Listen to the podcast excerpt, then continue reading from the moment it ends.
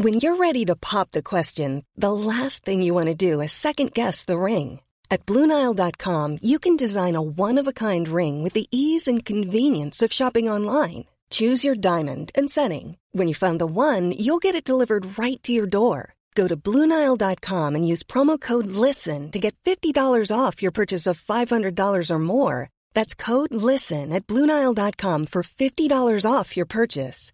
Bluenile.com code LISTEN. Quality sleep is essential. That's why the Sleep Number Smart Bed is designed for your ever evolving sleep needs. Need a bed that's firmer or softer on either side? Helps you sleep at a comfortable temperature? Sleep Number Smart Beds let you individualize your comfort so you sleep better together. JD Power ranks Sleep Number number 1 in customer satisfaction with mattresses purchased in-store. And now, save 50% on the Sleep Number limited edition Smart Bed for a limited time. For JD Power 2023 award information, visit jdpower.com/awards. Only at a Sleep Number store or sleepnumber.com.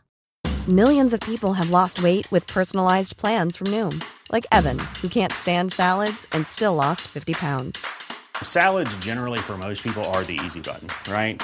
For me, that wasn't an option. I never really was a salad guy. That's just not who I am. But Noom worked for me. Get your personalized plan today at Noom.com. Real Noom user compensated to provide their story. In four weeks, the typical Noom user can expect to lose one to two pounds per week. Individual results may vary.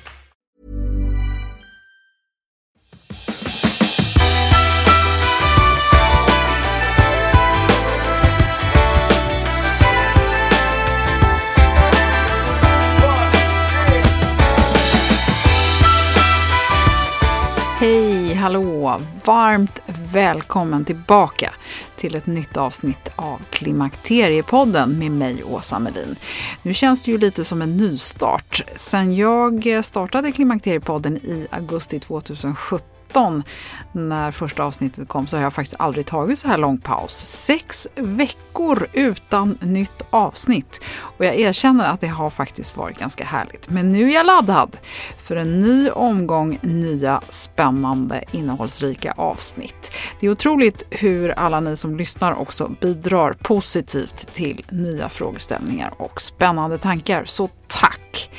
Många av oss eh, kvinnor, vi lever ju kanske inte riktigt som man egentligen önskar eller drömmer om och man mår kanske inte riktigt sådär helt perfekt som man skulle vilja av flera skäl.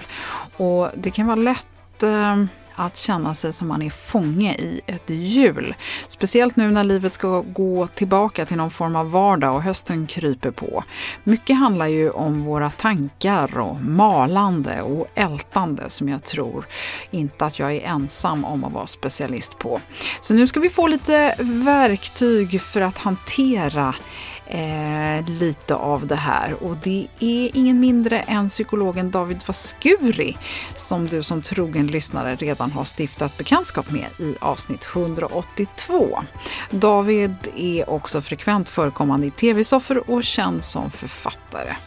Och det kom en hel rad uppföljande frågor just efter avsnitt 182.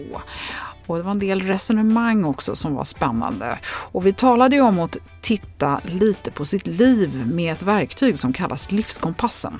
Och då delar man livet som en cirkel där tårtbitar som relationer, hälsa, jobb och fritid ska vara med och rangordnas efter ens egna kärnvärden och önskemål. Och nu ska vi gå vidare och titta på en rad sätt att tänka kring sin livssituation. Så välkommen att lyssna.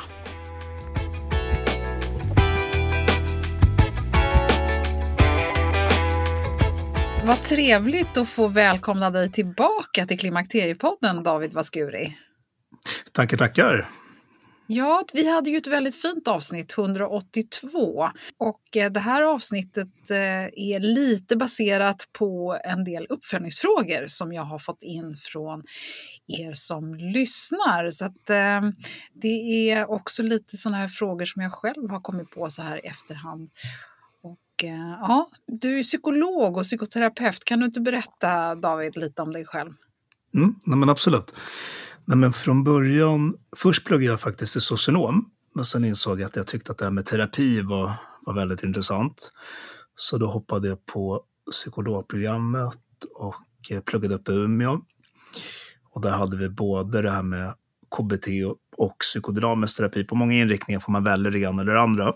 Men där skulle man plugga båda, vilket jag tyckte var en styrka just för att man fick båda de här stora inriktningarna.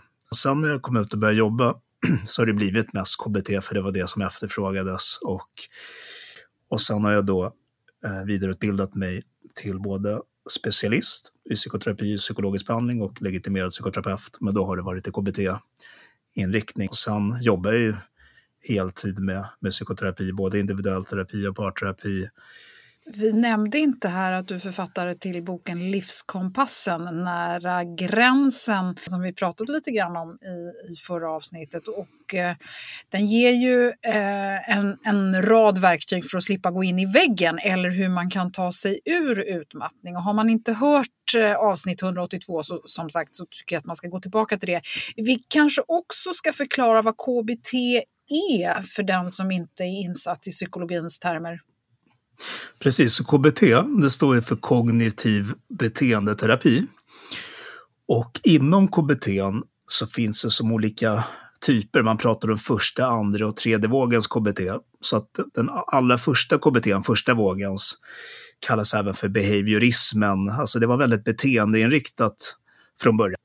Det, det är ju någonting, när man tänker på KBT tänker man ofta på det här med exponeringar, att man ska konfrontera och, och KBT har ju haft väldigt bra stöd, alltså forskningsstöd eller evidens för just ångest och fobier bland annat. Och, och, där ingår ju mycket det här med att man ska exponera sig för att då menar man att det har blivit som ett felakt, en felaktig association med en sak. Till exempel, vi säger att jag är jätterädd för hissar till exempel.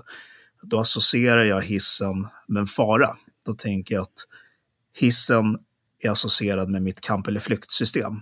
Och så länge jag fortsätter undvika hissen så kommer jag fortsätta ha föreställningen om att hissen är farlig. Alltså att den kommer, att, att det är bra att ha det här, den här kamp och flyktsystemet eh, involverat där. Men om jag börjar exponera mig, vilket är väldigt jobbigt då, och det krävs ju ofta en, kanske en terapi för att våga göra om det, om det är en större rädsla. Eh, men när, när jag gör det och ser att ja, jag fick de här symptomen, hjärtklappningen och, och adrenalinet och kortisolet och, och hela fight och flight-systemet triggades. Men jag stod kvar och gjorde det ändå. Och, och det hände ingenting farligt. Man, man får en nyinlärning. Man, man lär sig dels, ja, jag kan vara där inne fast jag har hjärtklappning. Man kanske också lär sig att när hjärt, hjärtklappningen och den här responsen gick ner efter ett tag, stannar man tillräckligt länge så menar man att det är som en kurva så att det brukar sjunka efter ett tag, den här ångesten. Och då, och då blir det här mindre laddat till, till nästa gång. Så att det är ju jobbigt, och det är, men det är kraftfullt. Och jag tror att det är det som faktiskt ger mest effekt. För jag menar, man kan ha massa insikter och, och, och teoretisk inlärning, att man vet en massa saker om sig själv, men de har inte lyckats applicera förändringarna. Och då får man inte den här emotionella inlärningen. Så då, då har man bara den teoretiska inlärningen. Och det vi vill i en terapi det är ju även att få till det beteendemässiga. Att man även klarar, klarar av beteendet, att göra annorlunda. För jag tänker mycket handlar ju om så här vanans makt eller tankens ja. makt också. Att det jag har tänkt igår, det pluppar upp idag. Ja, så det har vi liksom pratat om förut, mm. när man kan få en låt som ja. fastnar i huvudet till exempel. Alltså, ofta så tänker man bara samma tankar som att man har tänkt förut. Och det är ju det mm. som är så, så spännande också, att våga utmana sig, tänker jag, om man behöver addera goda vanor och försöka få bort en del ovanor i livet. Jo, för man kan tänka att det är som en kedja, så tänker man mycket i KBT, att det finns någonting som triggar situationen. Så det börjar till exempel med att chef säger, ja men kan du ta den här uppgiften? Och så kommer det upp tankar och känslor. Så det, triggern är att man blir tillfrågad, sen kommer tankar och känslor. Och det kan vara, och nu måste jag säga ja här, fast egentligen vill jag inte. Till exempel, det kan vara tankarna. Och sen har vi beteendet, ja, jag fixar det. Och sen kortsiktig konsekvens, att chefen blir inte så missnöjd, utan chefen kanske blir lite, ja, vad bra att du tog det. Man slipper en konflikt. Så det blir belönat. Och så länge man inte ändrar på det här så kommer samma kedja vara om och om igen. kanske med nya personer, nya chefer, kanske man kanske kan byta ut chefer mot en, mot en vän eller mot ens barn. Men det kommer vara samma kedja hela tiden. Men genom att gå in och börja liksom belysa det här, man, man pratar om situationsanalyser i KBT, att man får skriva ner, okej okay, vad var triggern? vad fick jag för tankar och känslor? Jag tar även upp det i boken, så där. Eh, vad gjorde jag för beteende? Då börjar man bli medveten, jaha, nu fick jag de där tankarna, han kanske blir sur. Det är bäst att jag säger ja. Men vänta, måste jag tro på den här tanken? Har jag belägg för den? Nej, jag har inga belägg för att han kanske inte har blivit sur förut. Det kanske var någon som blev sur på mig för tre år sedan, men jag vet inte att han kommer bli sur. Så man börjar liksom ifrågasätta tankarna, man ifrågasätter om man har bevis för dem. Man noterar känslorna, till exempel att aha, nu blev jag irriterad där. Jag kanske ska lyssna på min irritation, det kanske, den kanske talar om någonting för mig. Och sen har vi beteendet. Att, att där kan man eh, se att aha, jag brukar alltid säga ja och då slipper jag en konflikt. Men vad säger mina kärnvärden? Vem vill jag vara innerst inne på lång sikt? Lite som vi tog upp i livskompassen där tidigare också. Att vem vill egentligen vara? Nej, men jag vill ju inte vara en person som bränner ut mig och som, som, som gör alla andra nöjda bara och går runt i missnöjd själv, utan jag vill vara nöjd med mig själv. Så att, nej, nu provar jag det här jobbiga beteendet kortsiktigt, men som är bra långsiktigt istället. Och så kanske det är jättejobbigt att säga nej den här gången, men man gör det ändå. Och, och då kan det bli att man fick en bättre respons än vad man trodde från början. Och då kommer den, den bli lite mindre laddad till nästa gång. Men den kommer också trigga nya tankar nästa gång. Alltså den här att, så just samma trigger, det här att bli tillfrågad, till nästa gång när man vet att man har klarat av den en gång så kommer den inte trigga lika mycket. Då kanske tanken blir, jaha, nej, nu ska jag säga nej istället. Så att vi kan ändra på våra, våra tankar också genom nya, nya beteenden. Mm. Det gäller ju lite grann att vara lyhörd mot sig själv här, tänker jag. Mm. Du, eh, det blev ju så här att det kom en del uppföljningsfrågor och tankar från, förra avsnittet, så jag tänker att vi ska ta dem. Och vi ska inte gå igenom hela livskompassen och exakt hur den går, eh, går till och så, men jag tänker ändå att det, bara så att man hänger med här om man inte har hört eh, avsnitt 182.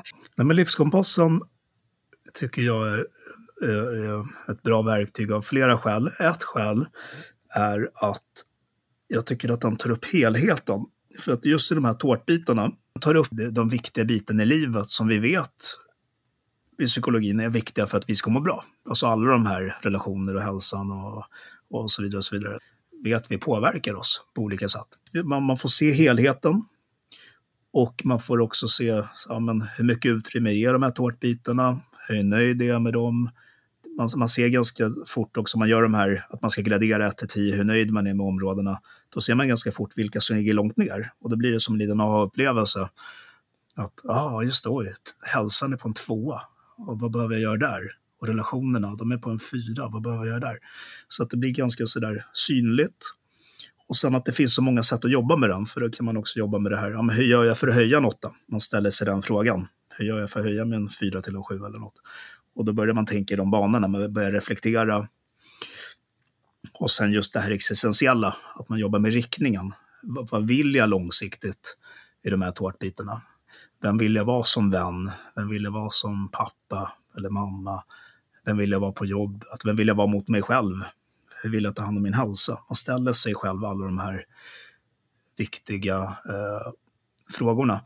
Och livskompassen menar man är alltså det kallas för transdiagnostiskt om man ska använda lite psykologiskt språk, men det innebär att man använder den för många diagnoser. För det är ju rätt vanligt att folk har flera saker samtidigt. Man har inte bara stress, utan man kanske har stress plus oro. Man har inte bara depression, utan man har depression plus någonting annat. Och då har man sett livskompassen, man försöker få in många olika delar i eh, Alltså man kan jobba med många problem på en gång. Det ingår väldigt mycket i, i, i den. Och, och, här är en av de frågorna då som, som, eh, som kommer. Eh, varför då ett sånt här verktyg kan vara effektivt och vad det går ut på och sen också hur man väljer ut de här områdena. Om man måste följa de här områdena eller hur mycket man kan modifiera det här efter sig själv. Mm, precis. Nej, men jag tycker att, att, um, att man får um, välja lite grann så skulle man känna till exempel att, för det där är ju en förenkling, alltså livskompassen ser lite olika ut. Man skulle kunna lägga in mer saker i den där. Så till exempel på, på, på jobb och studier kan, skulle man kunna lägga in ekonomi Och så så att det, det, får man absolut lägga in och, och, ta bort. Det är inte liksom hugget i sten på något sätt. Men, men det viktiga är att man ska säga, det du måste ha med, vad, vad är det? Ja, men då är det relationer, en. Och där ingår vänner, partner, kollegor, um, alla relationer helt enkelt. För föräldrar, familj och så vidare. Um, och sen har vi, och det är för att det sociala vet vi är väldigt viktigt. Det, det har man sett både mot stress och mot depression och, och för det mesta. För att må bra så, så, måste man uppfylla sitt sociala behov på olika sätt. Oavsett om man är introvert eller extrovert så har man något socialt behov. Så att, och, och man vet att den kan tillföra mycket. Det kan förebygga och hjälpa en som är deprimerad till exempel och stressad. Men det kan också ta energi om det är dåliga relationer. Så, där, så att den är viktig. Sen har vi jobb, jobb, och, eh, jobb och studier. Och där beror det på såklart. Ja, man är, ja, sysselsättning, precis, för det skulle kunna vara någon som är pensionär också. Så, där. så att jag menar, men vad man gör på dagarna, eh, det kan vara ideella föreningar. Och det kan också vara någon som är sjukskriven. Hur, eh, hur ska man hantera sina, eh, sin huvudsakliga tid? Precis, precis. Och också hur man tänker långsiktigt om det. Och sen har vi hälsan och där ingår sömnen och den är jätteviktig. Eh, och sen har vi träningen som också har visat sig vara viktig på många sätt. Man kan ta in alkoholvanor. Ehm, för vissa är det någonting som de behöver tänka på lite extra, hur de kan minska och, och sådär. Ehm, mindfulness brukar jag lägga in där, alltså att få in någon sorts meditation. Det är bra. Och sen kan det vara om man, man har en sjukdom, alltså hur förhåller jag mig till den och, och sådär. Alltså det som ingår i hälsan. Och sen har vi fritids, fritid och, och intressen, hobbyn. Vad, vad, man gör, hur man fyller sin tid och, och så, så det är de, de viktiga. Sen ingår det också i livskompassen. Jag tog upp det här med att gradera 1 till 10, hur nöjd man är. Men sen brukar man också, det tar jag med i boken också, det här hur, hur viktigt är det för mig? Alltså att man får själv rangordna i hur, hur viktigt området är för en själv. För det varierar väldigt mycket. För en person, så vi säger en person som älskar att vara ensam, den kanske inte värdesätter relationer och kollegor och sånt där jättemycket. Den säger nej, det där är den, kanske rätt, den skulle kunna vara rätt så nöjd, men ändå värderar den i viktighet som inte är så viktig. Men den kanske värderar, vi säger att den älskar sitt jobb och jobbar med något som den älskar. Då kanske den värderar det som väldigt högt.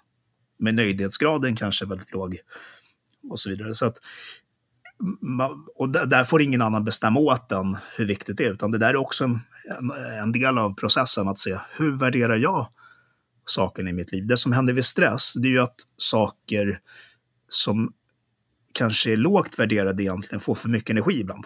Till mm. exempel att nej, jobbet är inte jätteviktigt egentligen, men ja, jag har ju det här i mig att jag måste prestera så himla mycket. Och så kanske man lägger in alldeles för mycket tid. Och sen kan det vara saker som man egentligen värderade högt, som var mer tid med barnen till exempel, eller någonting sånt. Och den hade en hög, den var högt på värdering, men man, man, man gav den alldeles för lite. Nej, ja. man fick ingen tid över. Nej. Det som är viktigt egentligen, om jag förstår det hela rätt, är ju att man på något sätt går tillbaka och försöker hitta sig själv. Vad är det jag vill? Vad är det som inte gör att jag lyckas åstadkomma det här? Och sen tror jag mm. att vi är många som också hamnar i en situation där vi inte riktigt vet vad vi vill längre, för att vi har inte funderat på det. Nej, exakt. Vi är många som säger, ja men är det ett Excel-ark så är det ett Excel-ark. Och det är inte det det går ut på, eller hur David? För det var, det var lite det som eh, en lyssnare undrade, att, liksom, hur gör jag det här så att det blir rätt nu? Ja, nej men precis. Nej men det är ju inte, bara för att förtydliga, alla de här områdena är ju områden som utifrån forskning som man vet att på gruppnivå så påverkar de personer Sådär. Alltså man vet att sömnen är viktig och relationer är viktiga och alkohol, att inte dricka för mycket. Så på gruppnivå så vet vi att de, de är viktiga. Men sen, men sen hur det beror, alltså för varje person så är inte det att alla behöver inte åtta timmars sömn och alla behöver inte ha så och så många vänner varje dag. Och alla, liksom där, där skiljer vi oss.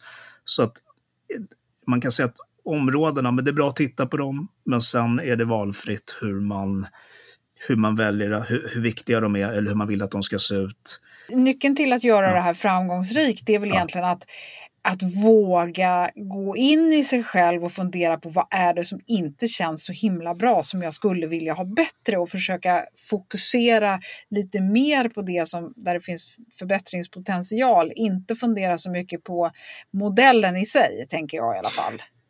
Nej, men precis, jag förstår exakt vad du menar. Liksom, eh, det, det, handlar om att, det handlar inte om att jag måste göra uppgiften helt rätt och det är där det ligger, utan det är en process inom sig själv. Och för vissa personer kanske det är bara att titta på den och sätta, sätta sig och reflektera och så får man lite reflektioner kring det. Och för en annan person kan det vara att sätta sig och verkligen svara på frågorna i boken och, och skriva och jobba mer strukturerat och gå in i det jättemycket.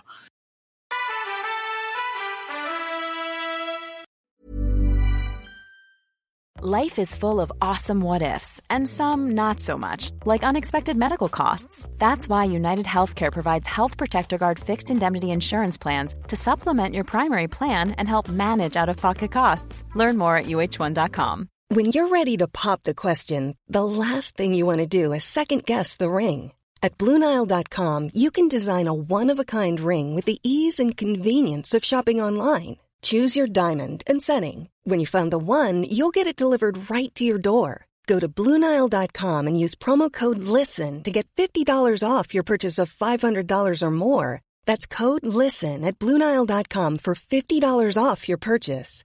Bluenile.com code LISTEN.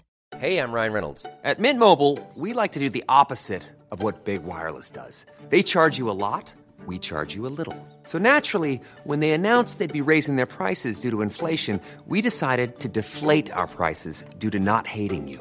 That's right. We're cutting the price of Mint Unlimited from $30 a month to just $15 a month. Give it a try at mintmobile.com slash switch. $45 upfront for three months plus taxes and fees. Promote for new customers for limited time. Unlimited more than 40 gigabytes per month. Slows. Full terms at mintmobile.com.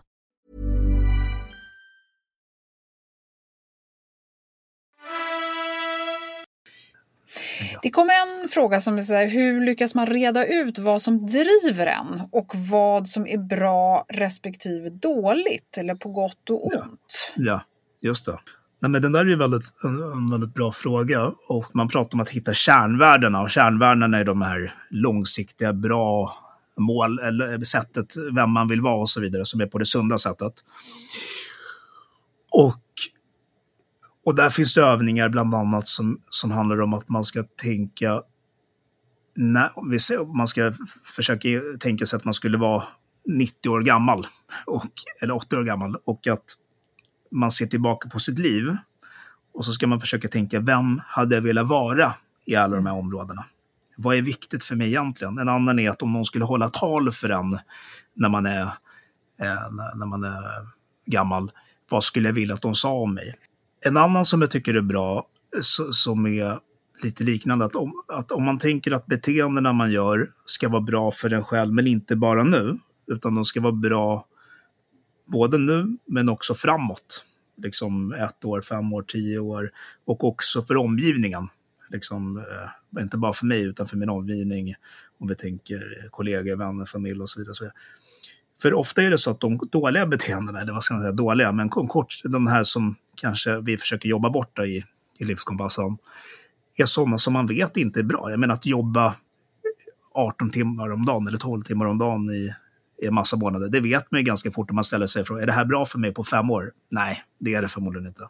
Men får jag en löneförhöjning? Ja, det kanske jag får. Liksom, så att när man börjar tänka lite sådär på, på lång sikt, är det bra för mig nu? Är det bra för mig om ett år, två år, tre år? Är det bra för mig? Är det bra för min omgivning? Så, så de här kärnvärdena där vi vet innerst inne. Och om vi tar tvärtom då, det här kortsiktiga. Eh, hur vet vi att det är destruktivt? Ja, men det är väl när det börjar, om man märker att man gör det över tid och det ger konsekvenser. Omgivningen reagerar, det går ut över hälsan. Eh, man känner att man mår dåligt. Jag, jag tror att när man gör en sån övning så blir det ganska tydligt för en själv om man börjar reflektera vad som är sunt och osunt. Min erfarenhet är att när, om man sitter med någon som stressar för mycket så vet man ah, mm. egentligen gör jag det där lite för mycket. Eller egentligen dricker jag lite för mycket. Eller egentligen ah, jag äter lite för onyttigt. Jag tror inte att det finns säkert de som inte, som inte vet det också. Men jag tror oftast att man, om man börjar reflektera, att man inser det. Men jag vet vad jag borde förändra, men jag vet inte hur jag ska förändra ja, det. Precis. Jo, för det, det där är ju en vanlig, den här till exempel, jag borde jobba lite mindre. Men, men, man är mitt inne i den karusellen kanske. Att jo, men nu, nu har jag den här rollen och jag får ju alla de här arbetsuppgifterna och jag vill inte, tapp, jag vill inte bli arbetslös och jag vill inte få en, förlora, tappa lön eller att folk ska tycka illa om mig. Då är det lättare sagt än gjort att bara, så här, att bara förändra det från en dag till nästa. Så det, så det är inte alltid lätt att göra förändringar eller tydligt hur man ska göra dem. Men det tar inte bort att, att det är inte bra att behålla osunda saker, osunda aktiviteter länge, för det ger ju konsekvenser. Eh, men, men jag håller med dig verkligen där att det, det, är inte alltid tydligt. Hur gör man? Eller att, att det är lätt att göra. Eller man kanske får för sig att om jag tar bort det här så kommer det bli jättedåligt. Men, men, men det är oftast en föreställning också. För sen när man väl gör de sunda förändringarna på tid så, så blir det ofta som så här, en tacksamhet. Åh, vad skönt att jag gjorde det här. Vilken tur. Men när man är mitt i det så lurar man sig själv lite grann. Det är ungefär som ett missbruk. Så är det också med missbruk. Personer som, som dricker för mycket eller vilket missbruk det är. Att man får för sig, oj, jag behöver det här. Det här är viktigt för mig. Jag kan inte ta bort det här. Och så, det är ju det som är missbruket, att man lurar sig själv, man har svårt att släppa ett mm. destruktivt beteende. Och så fortsätter man trots konsekvenser. Och det kan det ju bli så med, ar med arbete också, arbetsnarkomani, eller nästan som ett bekräftelseberoende. Så alla de här sakerna går att likställa nästan med, med beroenden, att man lurar sig själv. Det här driver oss in lite grann på nästa fråga som är så här, är det någonsin för sent att styra om arv, miljöpåverkan och livserfarenheter? Mm. Nej, men jag, jag tycker personligen inte att, det, att, det, att man ska tänka att det är för sent. För jag tror att jag tror att, det, att, att den nästan alltid går att göra förbättringar. Sen är det så här, okay, hur stora förbättringen är det? Det är klart, tar man en person som har eh, nu pratar om arv och miljö, vi tar någon som har jätte, vad säger man, jättedåliga gener eh, i, form, alltså i form av jättemycket psykiatrisk problematik och eh, tunga psykiatriska diagnoser. Det är klart att man kan ju inte bara bortse från det och säga att jo, jo, du, du kan bara bli av med det där och bli helt diagnosfri. Det, alltså det, man, det finns ju en, en begränsning på vilka förbättringar man kan göra. Men, det finns allt, men jag tror att det alltid finns förbättringar att göra. Uh, så, så, att jag tror inte att man ska tänka att det är för sent. Alltså den här ge upp-tanken eller nästan att man rättfärdigar det. Att nej, men jag har ju det här så jag, eh, till exempel jag har ADHD så jag behöver ändå inte eh, jag behöver inte göra någonting för jag kan inte. Alltså att man ska, man ska inte stigmatisera sig själv eller rättfärdiga utan snarare tänka att jag har något och det visst, det kan försvåra. Men hur kan jag förbättra trots det? För det finns oftast förbättringar som man kan göra. Så jag vill inte ta bort att arv och miljö påverkar, lika som en miljö. Vi säger att man är uppväxt i en jätte jättedålig miljö med, vi säger att man har blivit slagen som liten eller föräldrar som alkoholister och så vidare. Man ska inte ta bort att det såklart har påverkat en, hur man ser på folk och hur man ser på sig själv och tillit och trygghet. Det kan påverka mer eller mindre. Ja. David, jag tänker att det finns eh, ganska många i vår ålder, vi som lyssnar här, som, som kommer och söker och där du kan ge lösningar och självhjälp. Så jag tänker att det kunde vara spännande att höra några fiktiva patientfall. Ja, nej men absolut. Nej, men jag har ju sådana här som är, som är återkommande och jag kan ta upp lite grann, jag kommer inte ta upp exakt, exakt ett fall, men ett fiktivt fall funkar. Och, eh, och några vanliga teman som det brukar handla om är en är den här att man inte känner passion längre i sin kärleksrelation. Alltså man, man har tappat intimiteten, sexet, Eh, man kanske inte pratar så mycket längre. Och, och, och, det har blivit mycket, kanske att livet handlar mer om praktiska saker eller kring barnen och sådär. Men att man, man saknar mycket det här som man kanske hade i början. Och så börjar man fundera, men är, är det så här det ska vara? Är det rätt partner? Och, och så vidare. Att man inte känner det här pirret och så vidare. Och det är klart att det hamnar man så i ett läge, ja, men ska, jag, ska jag separera, ska jag vara kvar? Men jag tror ofta att det finns mycket som man kan, kan göra. Eh, men, men det är inte helt lätt när man har kommit en bit ifrån varandra. Men, det, men, man kan börja med att se varandra mer, man kan börja med att ge varandra komplimanger, börja närma sig varandra. Eh, men jag tror att de båda går in för det. Man börjar se varandra, ge sig tid. Och, och ha tålamod, för det går inte på en, en dag till nästa. Om relationerna har blivit ganska sådär ska man säga, kall så går det inte att ändra på det från en dag till nästa totalt. Men, men att över tid så, så, så är min erfarenhet att man faktiskt lyckas, lyckas bryta det.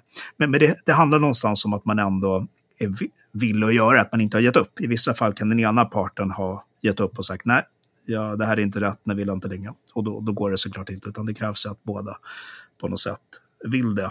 Det här kan vi prata så mycket, mycket mer om såklart, men, men det, det, det var lite om det.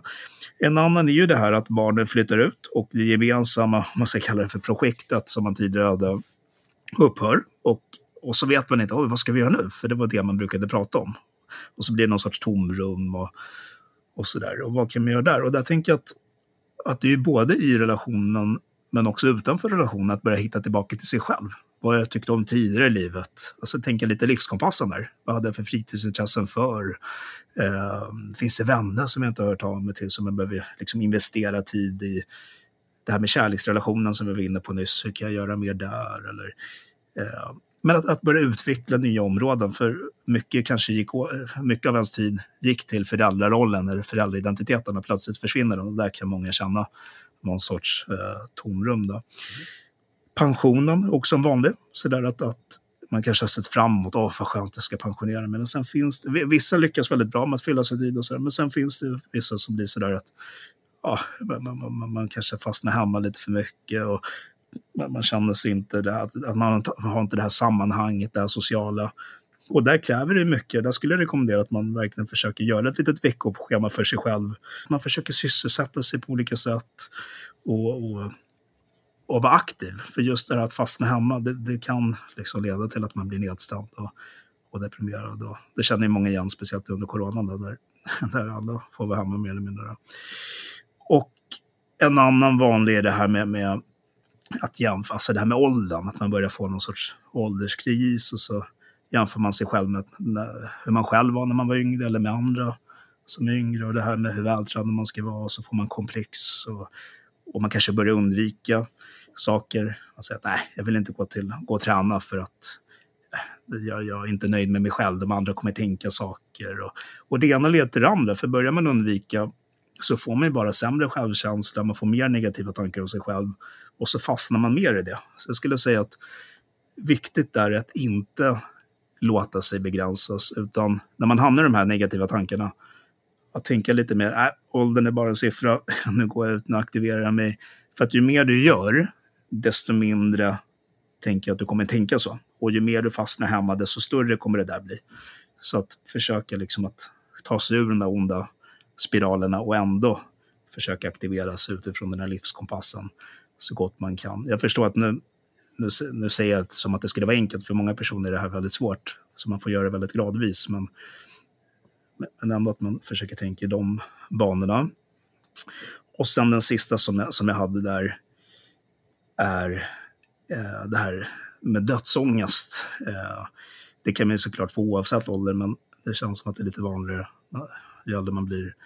Att, att man kan börja tänka mer i de banorna. Att, att ja, ens, personer i ens omgivning kan gå bort, eller att man själv eh, kan gå bort, att man blir rädd för det och att man börjar oroa sig mycket och, och sådär. Um, och även där handlar det mycket om det här att, att inte hamna i, eller försöka ta sig ur onda eh, sådana här tankespiraler, tankefällor. Eh, där finns det övningar som man kan jobba med i, i KBT bland annat, där man under en begränsad tid ska exponeras och våga tänka på de här sakerna.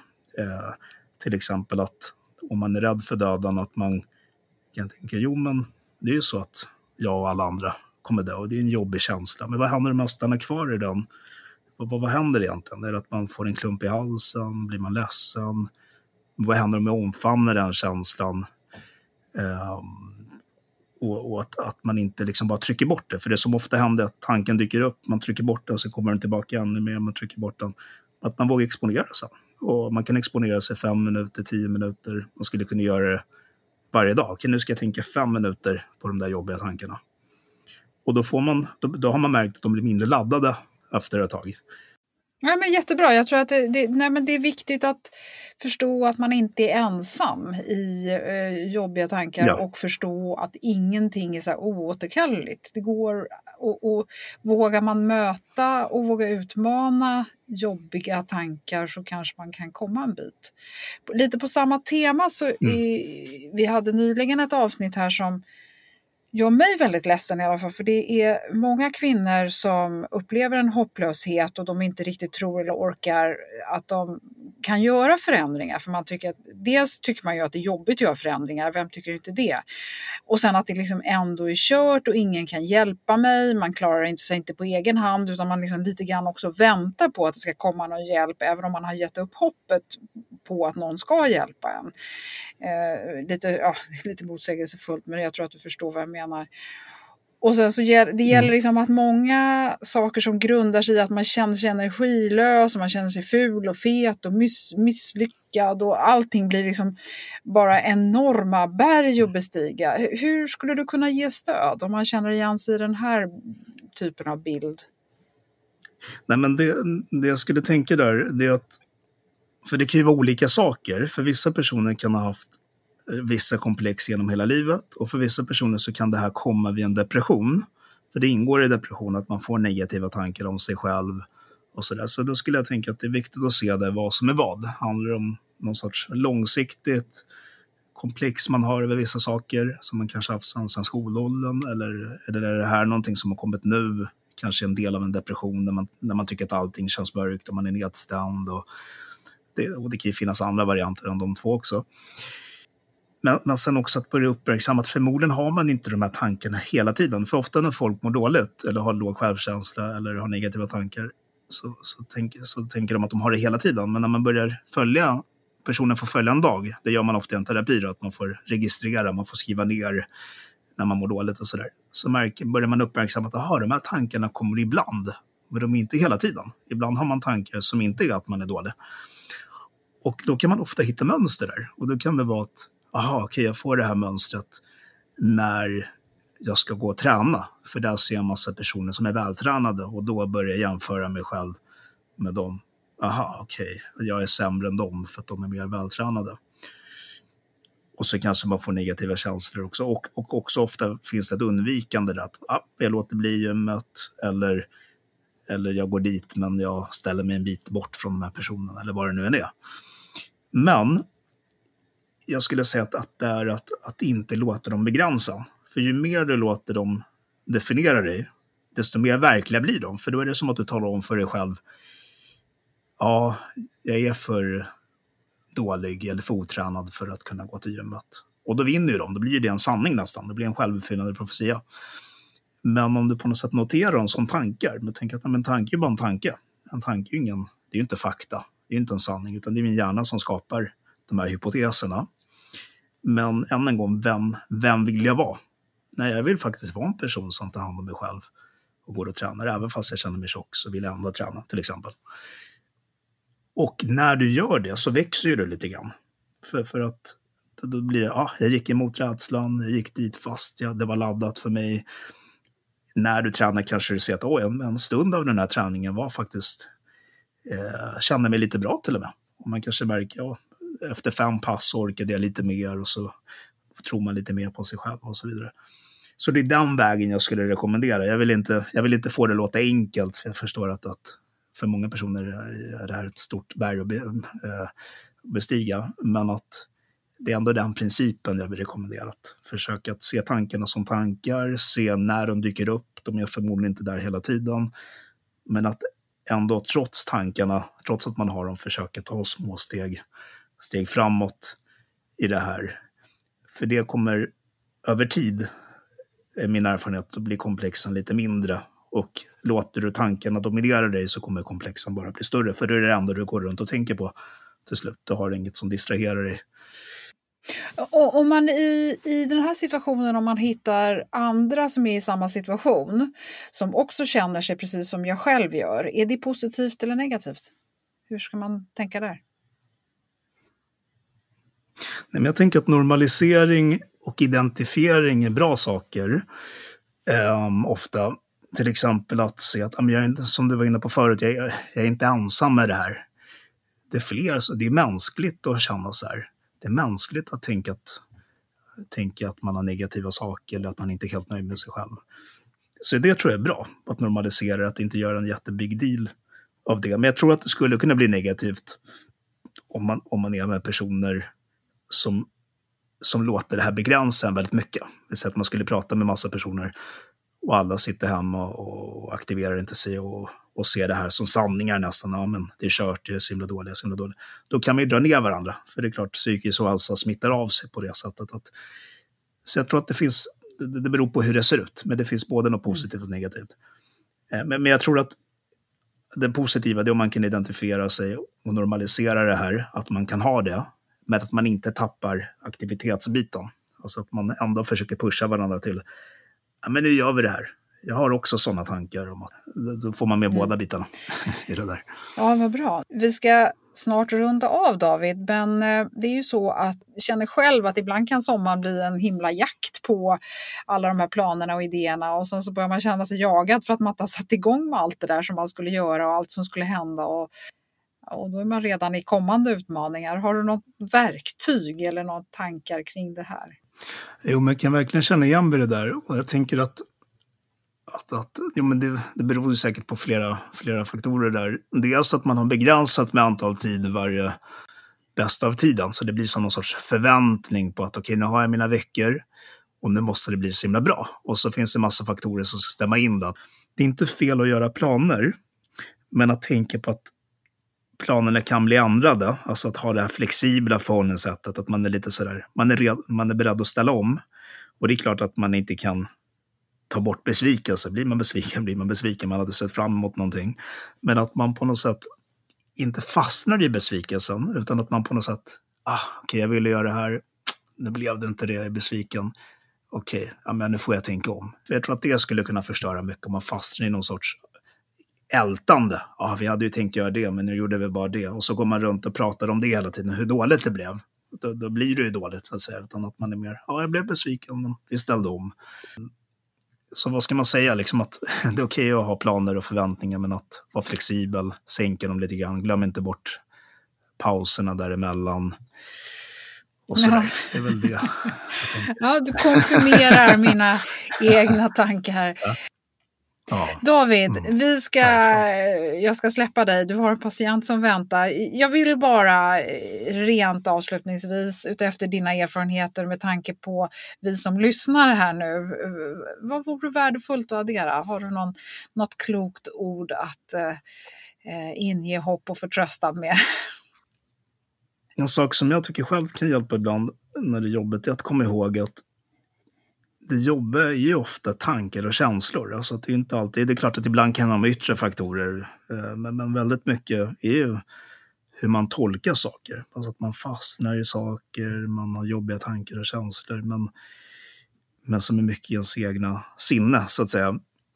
Och, och, men att inte låta det, det begränsa en eller definiera en, utan att ja, jag har de här tankarna och känslorna, men än en gång tillbaka till vem vill jag vara? Hur vill jag fylla min dag?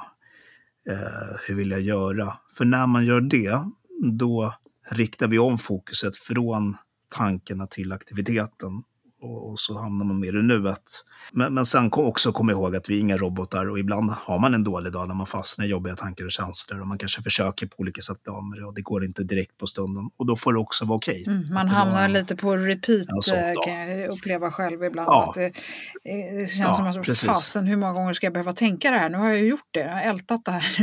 det bara fortsätter och fortsätter. Men över tid så, så, så, blir det mindre om, om man gör de här sakerna. Liksom det, det, man får tänka, men att man inte har för höga krav på sig själv heller i, mm. i det där. Ja, men tusen tack David, fantastiskt. Eh, du som, ja, tack själv. Du som lyssnar här ja. nu, då tycker jag att du ska kila in på sveapsykologerna.se eh, och eh, om du känner att du vill prata mer med en professionell så kan man faktiskt få en gratis rådgivning och det går också att komma i kontakt med David på david.sveapsykologerna.se och på Klimakteriepoddens Facebook och hemsida så lägger vi också naturligtvis en länk och boken Boken heter som sagt Nära gränsen om man blir sugen på att läsa den och den går också att låna på biblioteket om man inte vill köpa den. Ja David, då, eh, ja, som sagt, det är underbart att ha dig med och jag, du har så mycket kloka tankar. Jag uppskattar dig Ja. och som sagt det förra avsnittet som vi gjorde tillsammans 182 var väldigt uppskattat. Så att eh, det är många som Mm. eh, lyssnar på det här som eh, gillar det du säger och känner sig styrkta av det. Så stort varmt tack. Ja, men stort tack till dig. Jättebra intervjuer. Jag tycker verkligen om din podd och hoppas vi Ja. hörs igen framöver. Jag skulle jättegärna Ja, vara med fler gånger framöver. Bra, tack. Okej, tack.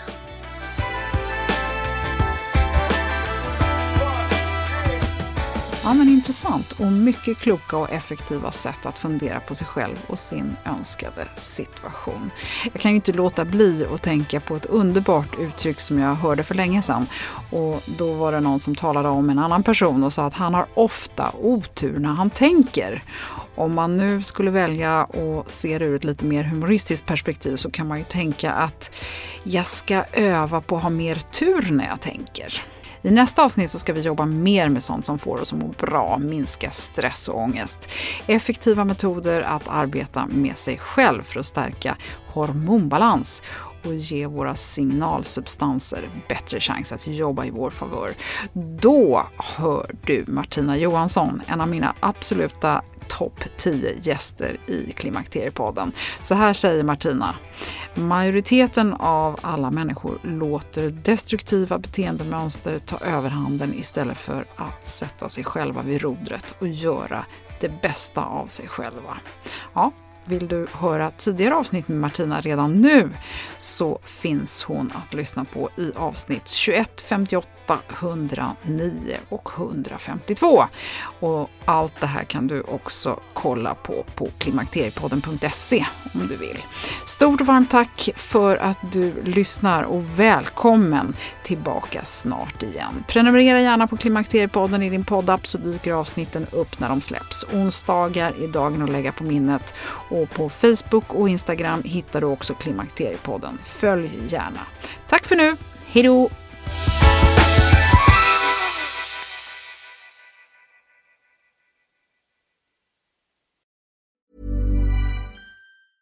Planning for your next trip? Elevate your travel style with Quince. Quince has all the jet setting essentials you'll want for your next getaway, like European linen, premium luggage options, buttery soft Italian leather bags, and so much more. And is all priced at 50 to 80% less than similar brands. Plus, Quince only works with factories that use safe and ethical manufacturing practices. Pack your bags with high-quality essentials you'll be wearing for vacations to come with Quince. Go to quince.com slash pack for free shipping and 365-day returns. Hold up. What was that? Boring. No flavor. That was as bad as those leftovers you ate all week. Kiki Palmer here, and it's time to say hello to something fresh and guilt-free. Hello Fresh. Jazz up dinner with pecan-crusted chicken or garlic butter shrimp scampi. Now that's music to my mouth. Hello Fresh. Let's get this dinner party started. Discover all the delicious possibilities at hellofresh.com. Planning for your next trip?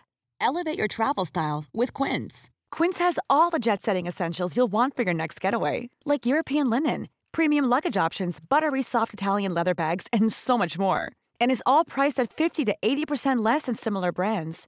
Plus, Quince only works with factories that use safe and ethical manufacturing practices. Pack your bags with high-quality essentials you'll be wearing for vacations to come with Quince. Go to quince.com slash pack for free shipping and 365-day returns.